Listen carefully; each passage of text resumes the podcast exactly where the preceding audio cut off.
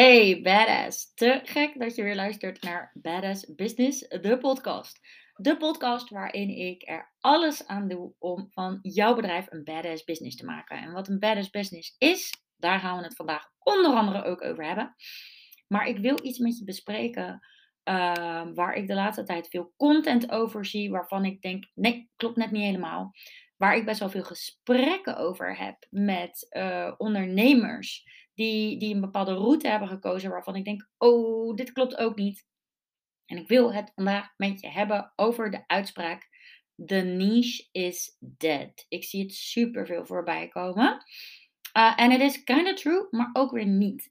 En voor het onderwerp, doelgroep, niche, dat soort dingen, zit het verschil in of dat je van je bedrijf succes kan maken of niet, zit het verschil om in de nuances. En die wil ik in deze podcast echt uitgebreid met je bespreken. Dus blijf echt luisteren tot aan het einde. Want het zit echt in verschillende nuances, in verschillende lagen van het kiezen van een doelgroep. Dus luister hem echt tot het einde af. Want anders dan mis je misschien cruciale informatie, waardoor jij ook te kort door de bocht over een doelgroep nadenkt. Oké, er zijn twee uiterste messages. Aan de ene kant heb je de mensen die zeggen: de niche is dead. Je hoeft geen niche meer te kiezen. Wees gewoon jezelf en je trekt de leukste mensen aan online. Uh, en aan de andere kant hoor je: kies een super specifieke niche, zodat je iemand aanspreekt uh, en die persoon uh, van een oplossing kan voorzien. Anders dan spreek je niemand aan. De nuances in deze twee onderdelen worden volledig door elkaar gehaald. Uh, en dit is waar strategisch nadenken het cruciale verschil vormt tussen een goed bedrijf neerzetten of, of heel veel input leveren, maar er eigenlijk weinig input uithalen. Het verschil waarbij je daadwerkelijk output realiseert uit de input die je stopt in je bedrijf eh, en marketing. En met input bedoel ik echt tijd, energie, maar ook investeringen. Want ik hoor ook echt veel mensen die best een hoop geld investeren uh, in bepaalde dingen. En trajecten, whatever. En dat, het dan, dat die nuances dan net niet lijken te kloppen. En je kan heel veel tijd en energie stoppen in het creëren van marketing messages om je potentiële klant aan te trekken. Bubs geld investeren. Maar als die nuances dan net niet kloppen, dan komt er gewoon echt te weinig output uit je bedrijf. En, en die output, dan heb ik het dus over werken met de leukste klanten, vrije tijd, omzet. Omzet is zo belangrijk. We kunnen allemaal doen alsof het niet zo is, maar het is rete belangrijk. Uh, bewegingsvrijheid. Omdat je die omzet creëert, kan je doen waar je zin in hebt. Over die output heb ik het. Oké, laten we starten met het uh, definiëren van een aantal termen. Dit zijn niet de officiële definities, maar dit zijn de definities die ik aanhoud in deze podcast. Zodat we heel duidelijk weten waar we het over hebben. En ik wil het met je hebben over community, doelgroep, subdoelgroep en niche. Een community creëer je bijvoorbeeld op je Instagram. Uh, door het delen van content trek je allerlei verschillende mensen aan.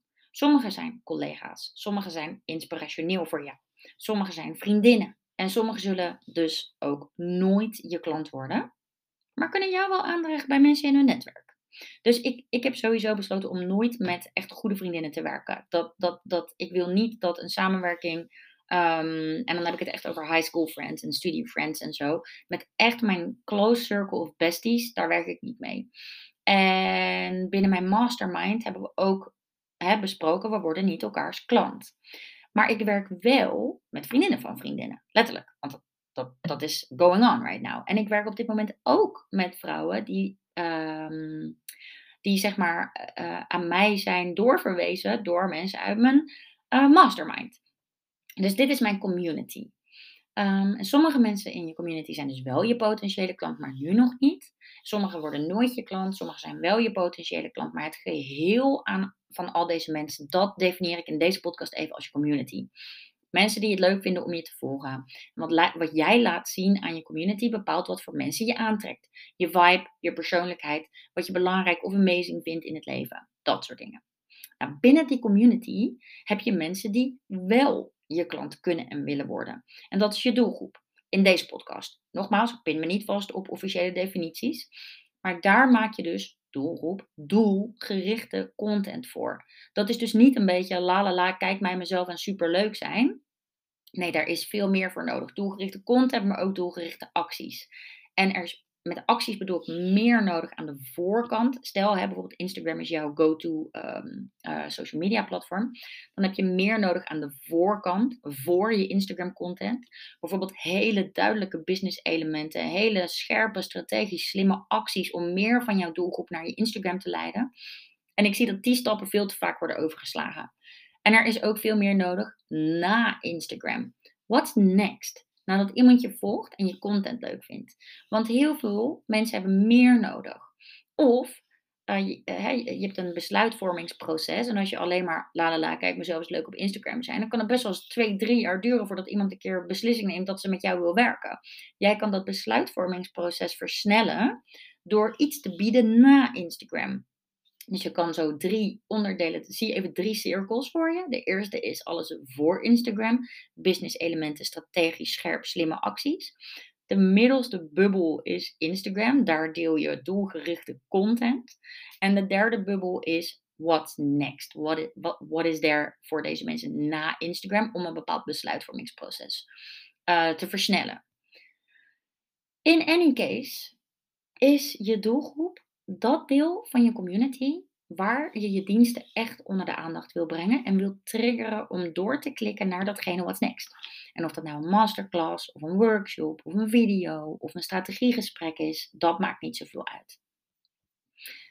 Dan hebben we nog een subdoelgroep. En dit is waar je je aanbod voor creëert. Je lost een specifiek probleem voor een deel van de mensen uit je doelgroep. En ik zie te vaak nog mensen denken: Oh, dit lijkt me leuk om te doen. Dat zet ik in de markt. En dan ga ik daar mensen bij zoeken die uh, dat interessant zouden kunnen vinden. Dat is niet een strategische manier van denken. Dat is zoals. Uh, volgens mij Seth Godin het beschrijft. Je creëert een sleutel, je laat een sleutel maken en dan ga je als een gek over de wereld uh, rondrennen om een deur te vinden waar die sleutel in past. Het is heel vermoeiend, het kost heel veel energie en het is alles behalve target-oriented.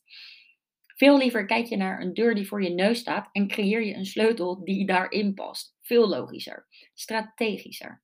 En um, ik wil deze ook uitleggen aan de hand van een van mijn lievelingsseries, Sex and the City. In mijn twintiger jaren, toen ik een studentenkamertje had. Ik had een heerlijke kamer. Ik had een, een, een kamer waar mijn bed in stond, maar en, en ook een uh, bank en een zithoekje, een televisie en, en, een, en mijn kleding en weet ik veel, dat soort dingen allemaal.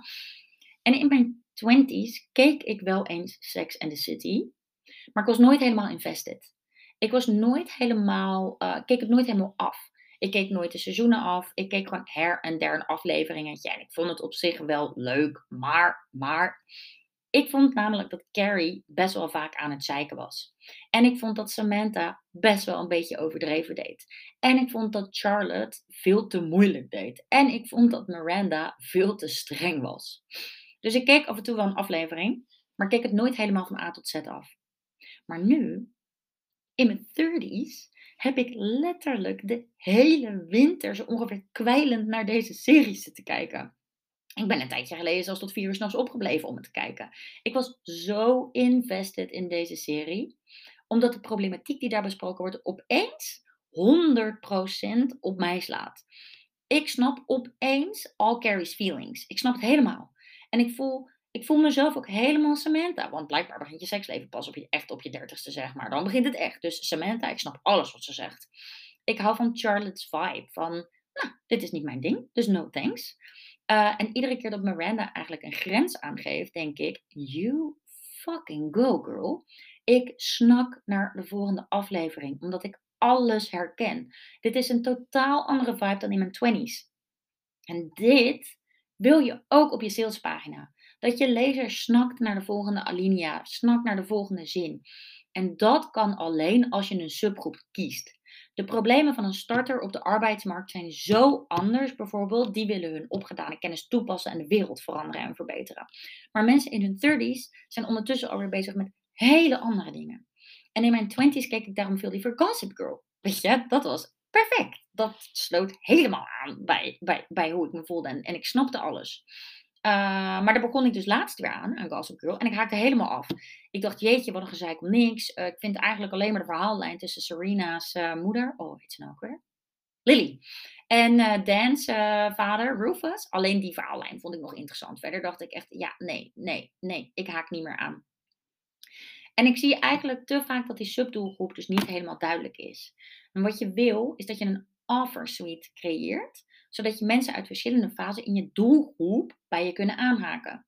Want ik zit nog steeds in de doelgroep kijker van dat soort series. Maar Gossip Girl in je 20s en zeg maar Sex and the City in je 30s.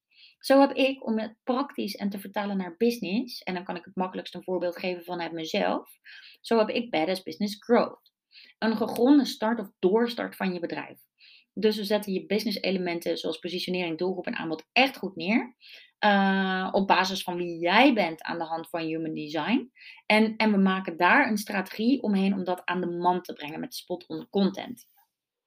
Maar ik heb ook vrouwen in mijn doelgroep die al die elementen al hebben staan. En daar voor een groot deel ook hartstikke tevreden over zijn. He, wel echt wel wat tweaks mogen maken, maar overal best wel tevreden zijn en ook uh, tevreden klanten hebben. Alleen weten ze niet hoe ze dat strategisch meer uit de output van hun fabriek kunnen halen, zeg maar. Dus, dus oké, ik geef even een beetje een uh, vreemd voorbeeld, misschien zodat je het voor je kan zien, maar dat vind ik altijd heel erg belangrijk.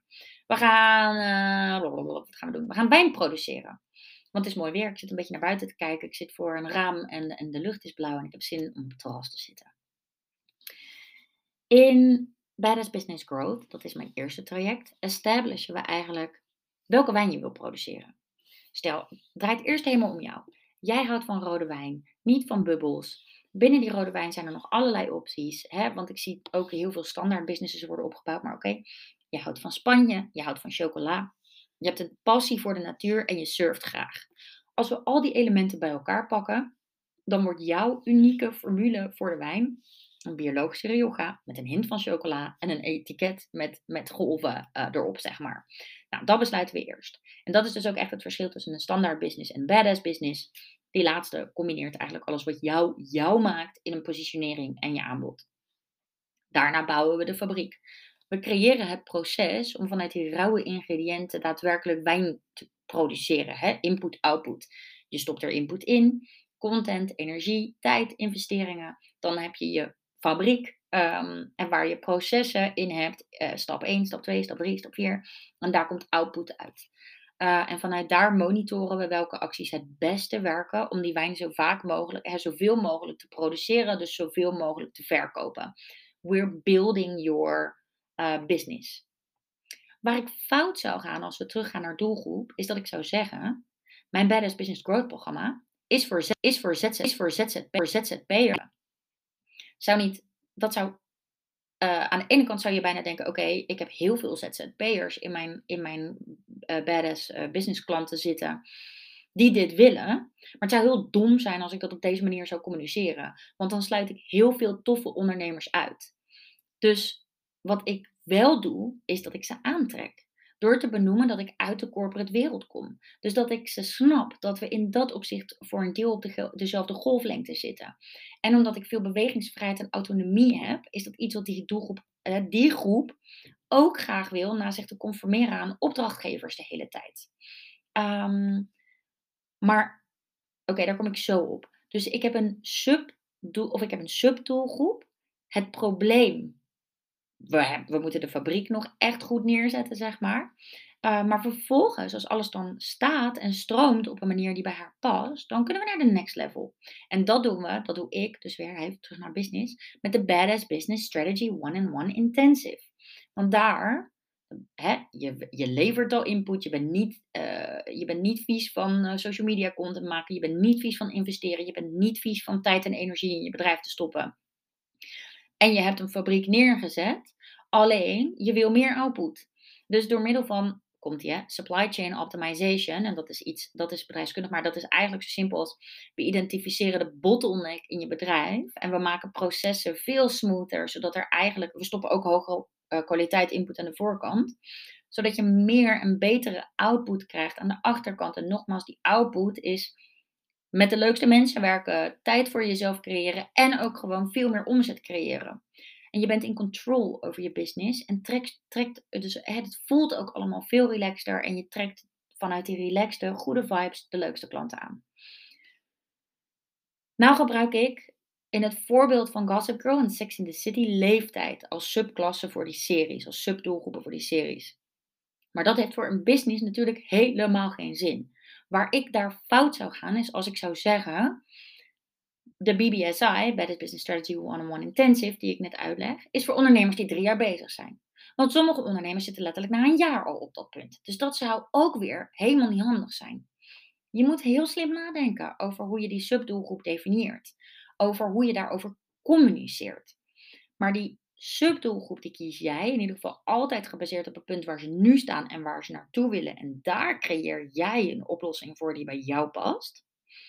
Um, maar die niche, hoe kies je die dan? Die kies je niet. Dat ben je. You are the niche. In een badass business combineer je verschillende elementen die jou uniek maken. In mijn geval een mix van strategie en spiritualiteit. En van persoonlijke groei en, en, en rake content. Ik vind bedrijfskunde amazing. Ik hou van spiritualiteit. Het brengt me enorm veel in het leven. Mindsetwerk en schrijven, al die elementen vind ik echt amazing. Die deed ik altijd al, ook hiervoor. Maar ook reizen. En, en niet zo dat heel erg super backpacken, weet je wel, maar meer slow traveling. Uh, tijdje op één plek zitten en, en daar echt me een beetje te immersen in, in, in die plek, zeg maar. En door die dingen te mixen in mijn bedrijf en te laten zien via social media, trek ik een specifiek persoon aan. Iemand die haar bedrijf echt goed wil neerzetten, want zij gaat aan op dat business savvy. Iemand die het ook authentiek wil doen uh, en spiritualiteit prettig vindt, want die gaat aan op het human design stuk. Iemand die niet bang is om te groeien als persoon en snapt dat ze rake teksten nodig heeft om haar klanten aan te trekken. En dan zijn het ook vaak vrouwen die een bepaalde mate van bewegingsvrijheid, persoonlijke groei en uh, ja, om een of andere reden dieren heel erg leuk vinden. Het zou toch een beetje idioot zijn als ik die dingen expliciet zou benoemen in mijn marketing. Dus je ziet, de nuance in het onderwerp doelgroep en niche is groot.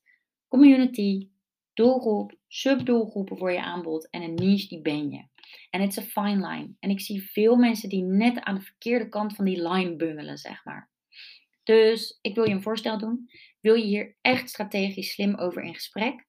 Vraag dan een strategiecall met mij aan. In dit gesprek kijk ik heel scherp met je mee naar je business. Ik betrap mezelf er namelijk op dat ik altijd zeg: uh, Oké, ik ga even heel eerlijk met je zijn. Is dat oké? Kan je dat handelen? En dat die ander dan eigenlijk altijd zegt: Ja, daarom, daarom wilde ik dit gesprek met jou. Uh, omdat ik dat ook van je verwacht. Dus ik ben heel eerlijk. En ik identificeer allerlei elementen die niet scherp genoeg zijn, zodat je sowieso na dat strategiegesprek al een strategische slag in je bedrijf kan maken. Um, op basis van mijn bedrijfskunde achtergrond, op basis van mijn mindset kennis, op basis van mijn human design reader training kennis. En als we dan een klik ervaren en je meer hulp nodig hebt, dan kunnen we het altijd ook nog hebben over of dat jij nou in dat eerste traject past of dat je bedrijf nog niet scherp genoeg staat. Waardoor je dus eigenlijk hè, naar Badass Business Growth, dat, dat, jou, dat je in die subdoelgroep valt. Of dat de BBSI uh, geschikt voor je is, omdat je in die volgende subgroep valt.